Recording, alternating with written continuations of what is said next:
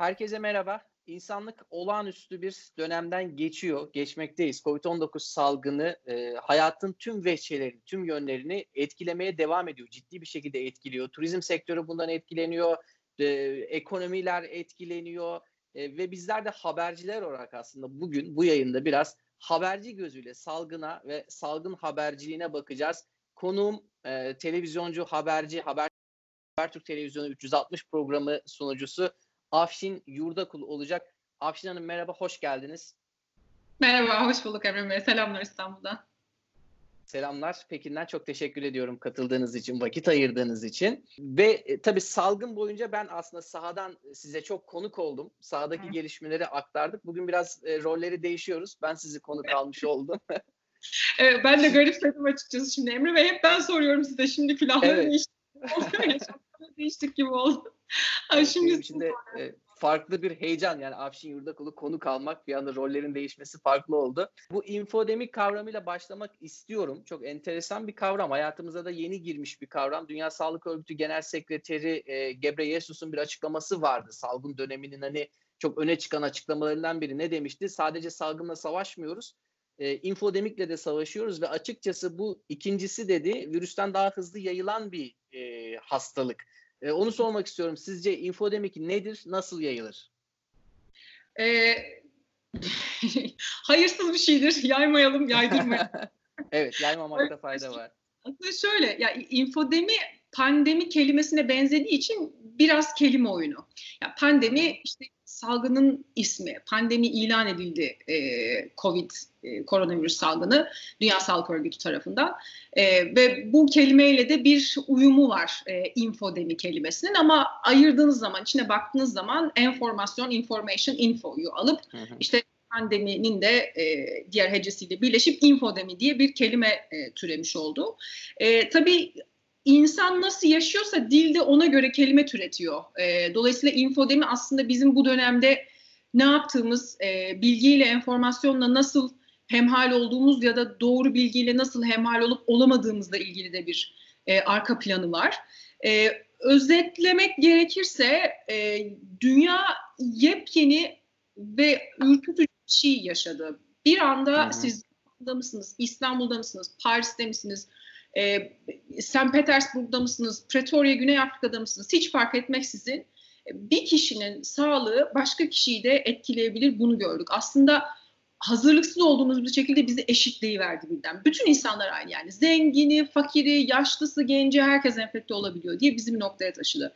Şimdi bu zaten çok büyük bir gelişme. Bir taraftan da insanlar çok kısa bir süre içerisinde yepyeni bir yaşam düzenine alışmaya, e, alışmak zorunda kaldılar. Yani elimizi yıkadığım, yıkayabildiğimizi sanıyorduk. Öyle değilmiş yani. Onun bir yöntemi varmış. Hem yani, yani böyle okul öncesi öğretilen şeyler gibi insanlık böyle tuhaf bir okul öncesi e, dönemini de yaşar gibi oldu. Yani elini böyle yıkayacaksın, işte kolonyanı böyle süreceksin, öyle öksürmeyeceksin, böyle öksüreceksin gibi.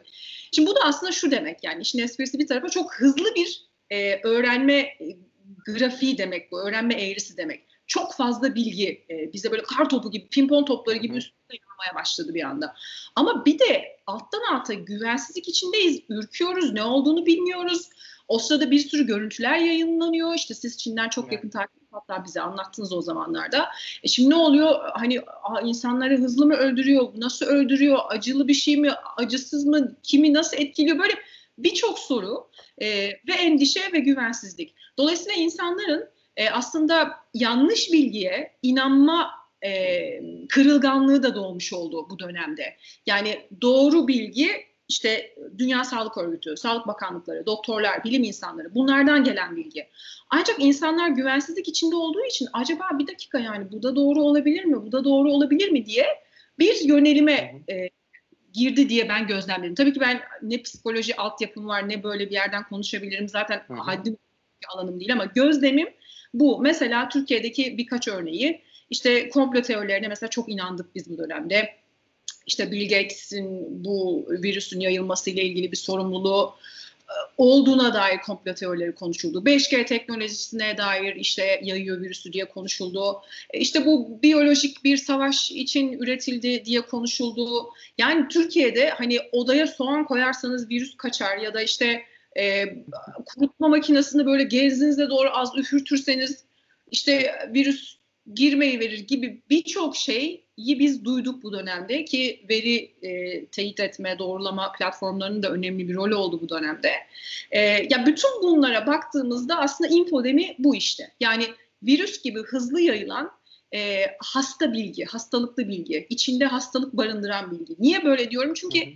siz eğer otoritelerin dediği şekilde tedbirlerinizi almazsanız kendiniz ve çevrenizi hasta edebilirsiniz. Bu kadar basit. Dolayısıyla doğru bilgi akışı çok önemli oldu. Hayati oldu. E, sizin evet. elinizi kadar hayati oldu. E, infodemi iyi ben böyle anladım bu dönemde. Evet, doğru bilgi hayat kurtarır diyelim. Tıpkı e, erken teşhis hayat kurtarır diyorlar ya. Biz de evet. bunu diyebiliriz gerçekten. Şimdi şunu e, sormak istiyorum. Bu süreçte ben e, sosyal medya platformlarına baktığım zaman e, Twitter'ı aktif kullanmaya çalışıyorum. YouTube'un zaten bir içerik üreticisiyim. Bu yayını da YouTube için çekiyoruz. Hı hı. Çok ciddi önlemler aldılar. Mesela YouTube e, monetize özelliğini kaldırdı korona e, videolarından. E, bir takım fact checkler getirildi e, Twitter e, peki ana akım medya neler yaptı bu süreçte onu sormak istiyorum. Bu soruya şöyle de bir ek yapabilirim aslında. E, deniyor ya Covid-19'dan sonra birçok sektör değişecek. Hayat artık eskisi gibi olmayacak ama e, peki diyorum ben haber medyası nasıl değişecek? Nasıl bir değişim geliyor olabilir? Bunu da sadece teknik anlamda sormuyorum tabii ki. E, haber dili açısından nasıl bir değişim geliyor sizce haber medyası için? Hı hı. Ee, evet güzel ve çok boyutlu bir soru bir taraftan da. yani online'da yapılan e, şeylere baktığımızda dediğiniz gibi işte mesela bazı yabancı e, yayınlar e, normalde para ödeyerek e, haberleri okuyabildiğiniz yerlerde ya bu paywall denen şey mesela bunu kaldırıp özellikle Covid ile ilgili haberlere herkesin ulaşabilmesini sağladılar. E, ya da Dünya Sağlık Örgütü işte WhatsApp gibi platformlarla ya da teknoloji firmalarıyla işbirliklerine gitti işte bu infodemi dediğimiz şeyin bilgi kirliliğinin önüne geçebilmek için. E, ya bu temelinde çok e, ya bizi öyle bir yere sıkıştırdı ki bu temelinde. Yani biz insanlığımızla bütün çıplaklıkla yüzleştik. Yani haber almak da çok insani bir şey olduğu için bu dönemde. E, çünkü ayakta kalmak için, korunabilmek için doğru haber almak zorundayız. Yani dolayısıyla ağzının içine bakıyoruz bilim insanların, doktorların, yetkililerin ne diyeceğinin. E, o açıdan baktığımızda da ben çok hani online ve ana akım arasında bir farklılık görmedim. Çünkü insanlar bütün platformlara aynı amaçla yöneldiler bilgi almak evet. için. O bilgiyi de niye almak istediler? Bir dünyada ne oluyor? İki biz nasıl korunacağız? Üç sevdiklerimizi nasıl koruyacağız? Gibi gibi acil sorular sebebiyle. Ha biz ne yaptık? Ee, Türkiye'de hani kendi tecrübemden bahsedebilirim tabii ki. Ee, 360 programını ben hazırlayıp sunuyorum. İşte arkadaşlarımla birlikte fikir alışverişinde bulunuyoruz. İçeriği nasıl, nereden görsek diye uğraşıyoruz. Ee, son dönemde de yani 11 Mart'tan beri Türkiye'nin serüveni ama öncesinde zaten biz dünyayı da takip ediyorduk. Çünkü bir şey geliyor bize yani e, hani bir cisim yaklaşıyor gibi olacak. Türkiye'ye bir şey yaklaşıyor yani ne geliyor evet. bize ama gayretiyle de dünyada koronavirüsü haberleştirdiğimiz zamanlarda e, yapmaya çalıştığımız şu oldu. Birincisi e, sansasyonu işin içine katmadan insanlara e, ihtiyaçları olan temel bilgiyi sunabilmek. E, bunu hem doğru otoritelerin ağzından aktarabilmek hem de bir taraftan bu yepyeni bir şey dünya için, bu yepyeni bir tecrübe. Bilimin de henüz bilmediği şeyler var. Bunları da e, açıkçası bir metanetle anlamalı ve anlamlandırmalıyız. Bildiklerimiz ve bilmediklerimizle e, şeffaf bir şekilde yaşamayı öğrenmeliyiz. Hem ülkeler, toplumlar, bireyler olarak e, aslında her seviyede yapmamız gereken bu oldu. Hani benim adıma e, açıkçası çok yorucu oldu. Yani e, çünkü ben Türkiye'yi işte saat farkından ötürü gecede İngiltere'yi Amerika'yı takip etmeye çalışan bir gazeteciyim. İşte eve geliyorum. E, yani Trump'ın basın toplantılarını izliyorum. İşte hani yurt dışı kanallarına bakıyorum. Ya tabii çok ilginç yani hani ülkelerin e, basın toplantılarının tonu bile farklıydı. Çünkü hani kültür evet. ve üretimi çok iç içe, e, çok keyifli gözlemler de vardı aslında gazeteciler için önemli. Belki ona geliriz birazdan. Hani yapmaya çalıştığım ne oldu? Gerçekten dünyayı çok iyi takip etmeye e, çalıştım. Çünkü Türkiye dünya diye bir ayrımı sildi açıkçası bu virüs. Evet. Yani bizi insanlık ortak paydasında birleştirdi ve bilgi herkesin hayatı için kritikti. Dolayısıyla hani ben de olabildiğince iyi kanallardan, doğru ve yetkili kanallardan ne olduğunu anlamaya çalışıp sonra da izleyicilerimize anlatmaya çalıştım. Ee, bizi hiç kırmadığı birçok bilim insanı sağ olsun e, çok büyük özveriyle hem vakit ayırdılar hem kendi araştırmalarını anlattılar. Hem e, dünyada neler olduğunu bize aktarmaya çalıştılar. Bence çok önemli bir şeydi bu dönemde. E, Türkiye belki bir süredir de unuttuğu çok kıymetli bilim insanların tekrar sesini duydu. E, onlar hepsi farklı ülkelerde, farklı laboratuvarlarda, e, belki merkezlerde çok önemli çalışmalara imza atan insanlar ve onların sesini duymak da bence Türkiye için çok önemli oldu. E, güven verici de oldu bir taraftan. E, bunlar biraz benim e, çaba gösterdiğim e, kriterler oldu diyeyim, açılar oldu. E, hı hı. Yani rolümüzün ne olduğunu da bence bir kez daha e, ciddiyetle hatırlattı. Yani kamu faydası dediğimiz şey yani sizin e, topluma bir sorumluluğunuz var. E, onu doğru kaynaklardan bilgiyi derleyip doğru dille aktarmak sorumluluğunuz var. Doğru dil de belki üstünde durabileceğim bir başka açı şu yüzden. E, gazeteciler için bir başka sınavda benim gördüğüm kadarıyla şu oldu. Hı hı. Şimdi e, büyük bilimsel makaleler, büyük bilimsel yayınlar e, bir taraftan bambaşka bir dille e, ifade ediliyor. Tıbbi bir dil var orada, bir uzmanlık gerektiren e, dil var orada. Ama biz bunu hem uzmanlarla konuşup anlayıp sonra da aslında gündelik dile tercüme etmekle de e, hmm. yük gazeteciler evet. olarak. Hani ne oldu mesela hani R ne demek yani yayılma sayısı ne demek ya da işte o oranlar ne manaya geliyor? İşte hani RNA, DNA, e, virüsün yapısı bunlar ne demek? Biz ilginç bir dil de e, öğrendik aslında bu evet. tecrübe de Covid döneminde.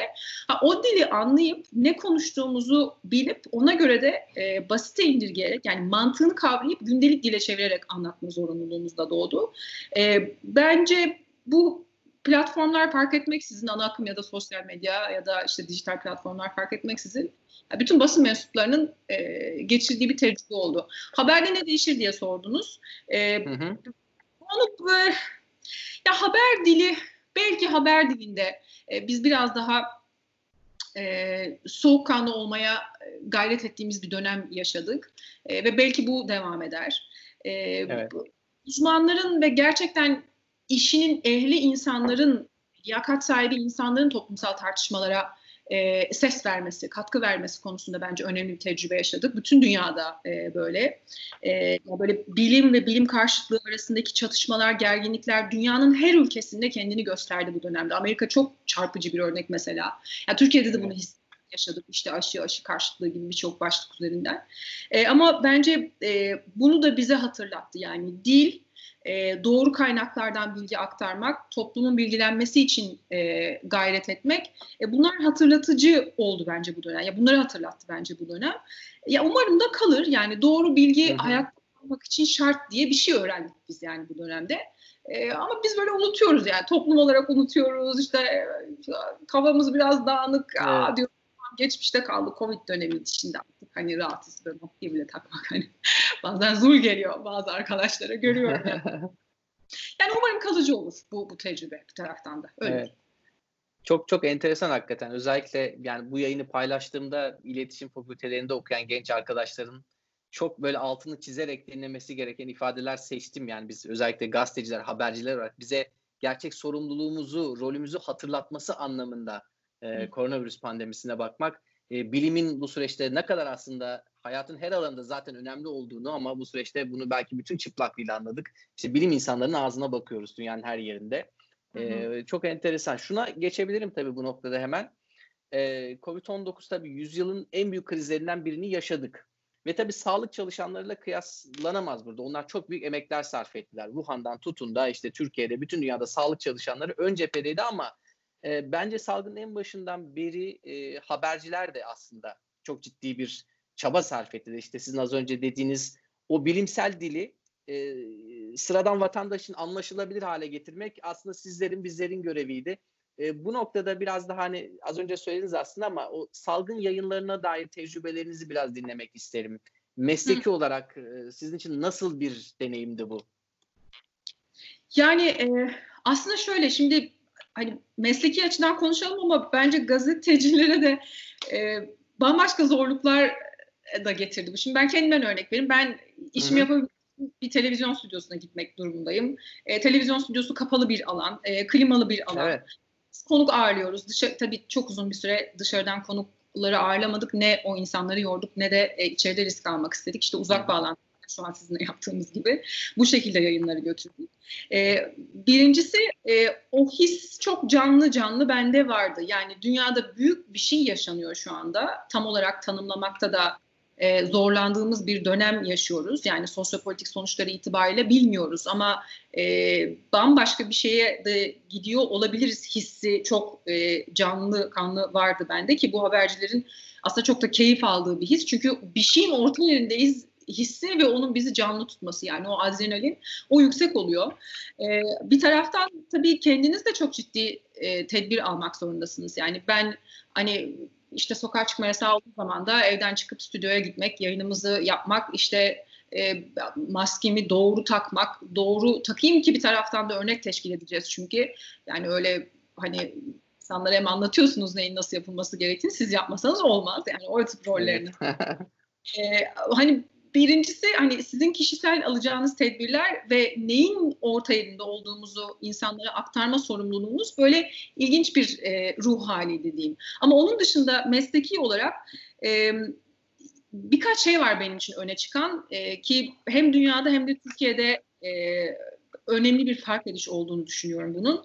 Benim açımdan e, ya haber haber diye bakıp geçmek manasız bir şey çünkü yani hani başlık verip geçmiyoruz biz. Bağlamını anlatmak zorundayız. Yani yoksa evet, evet her şeye e, haberini verebilir ama aslında gazeteci dediğinizin bir manası olacaksa bu faaliyetin o da A'yı B'ye bağlayarak bağlamı vermek. İnsanlara evet. olaylar arasındaki bağlantıları, ilişkileri gösterebilmek açısından önemli. Bu da beni şuraya getirdi. Ee, salgın döneminde interdisipliner düşünce bence çok önemliydi. Yani bizim Türkiye'de biraz zayıf bir kasımız diye düşünüyorum ben.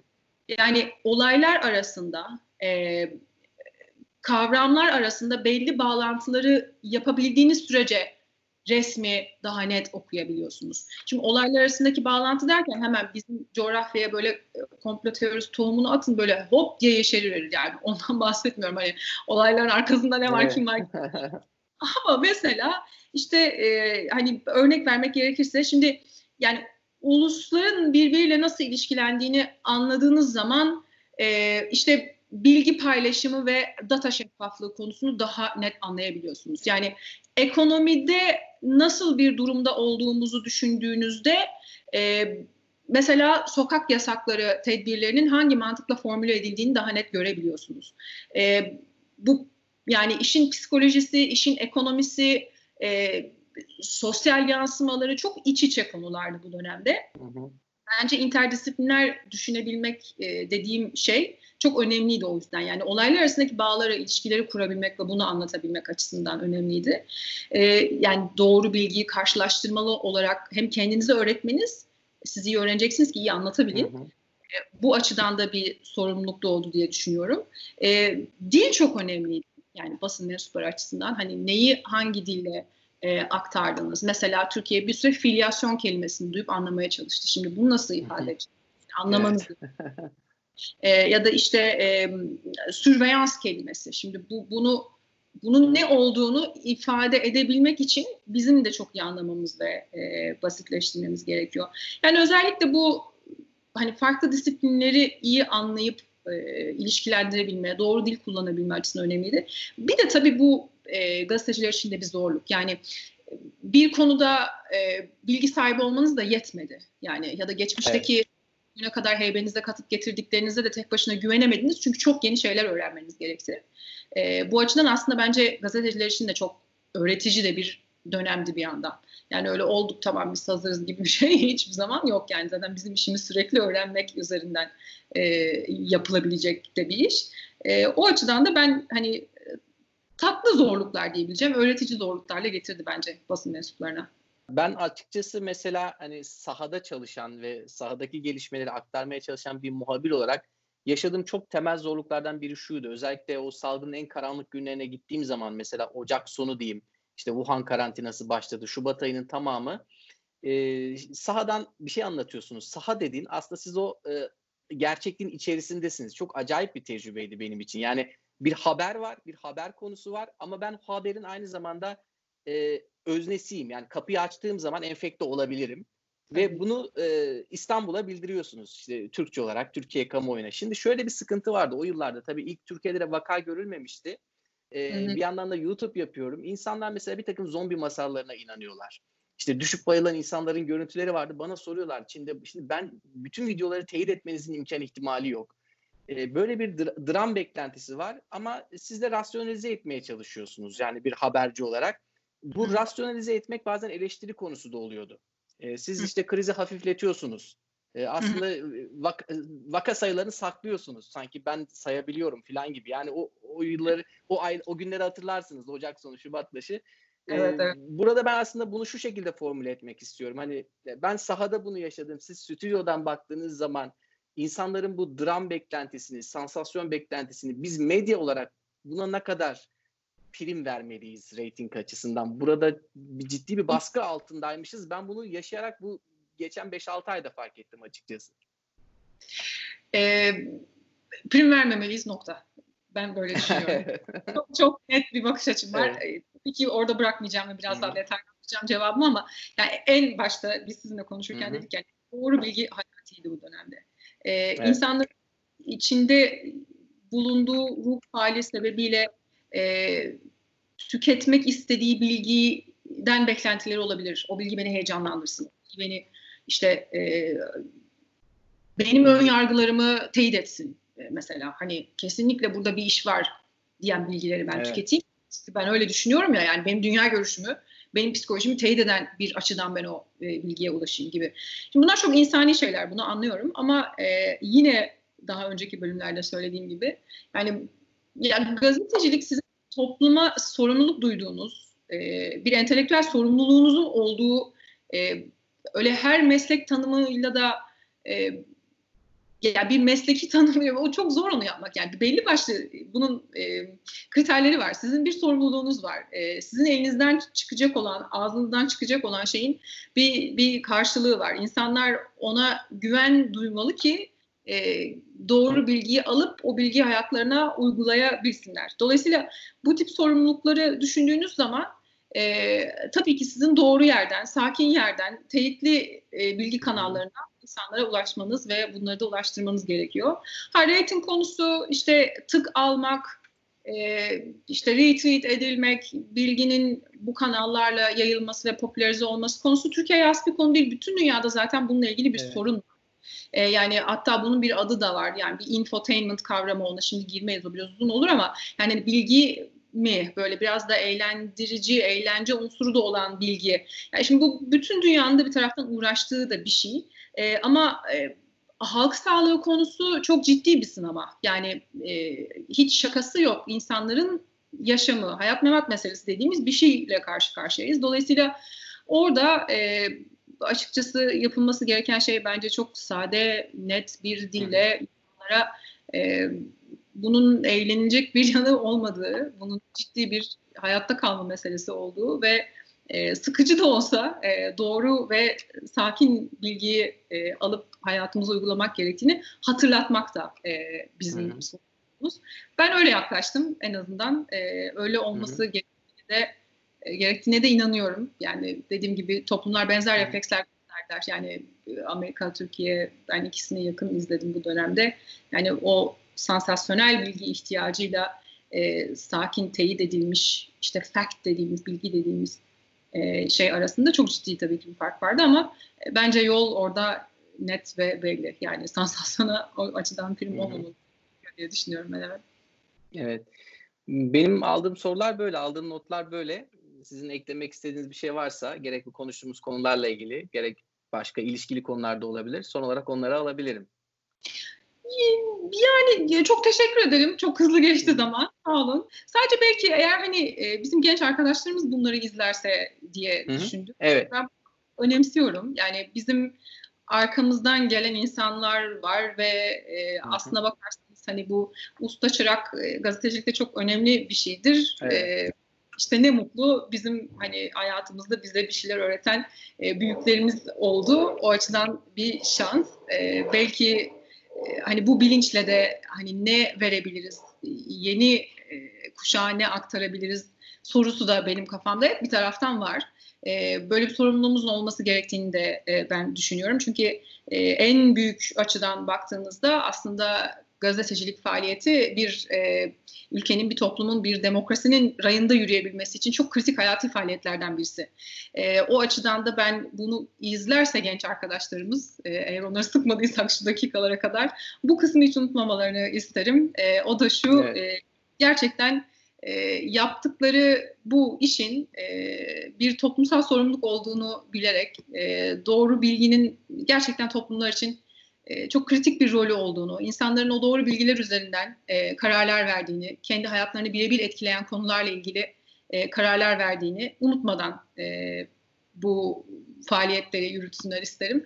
E, ve her ne kadar dünya zor bir yerde olsa vazgeçmesinler çünkü gazetecilik bambaşka bir keyif, bambaşka bir tatmin. Ne olursa olsun şartlar. E, evet. Böyle Umarım bu da onların kulaklarında kalır. Afşin Yurdakıl çok teşekkür ediyorum. Ben teşekkür ediyorum. Çok sağ olun.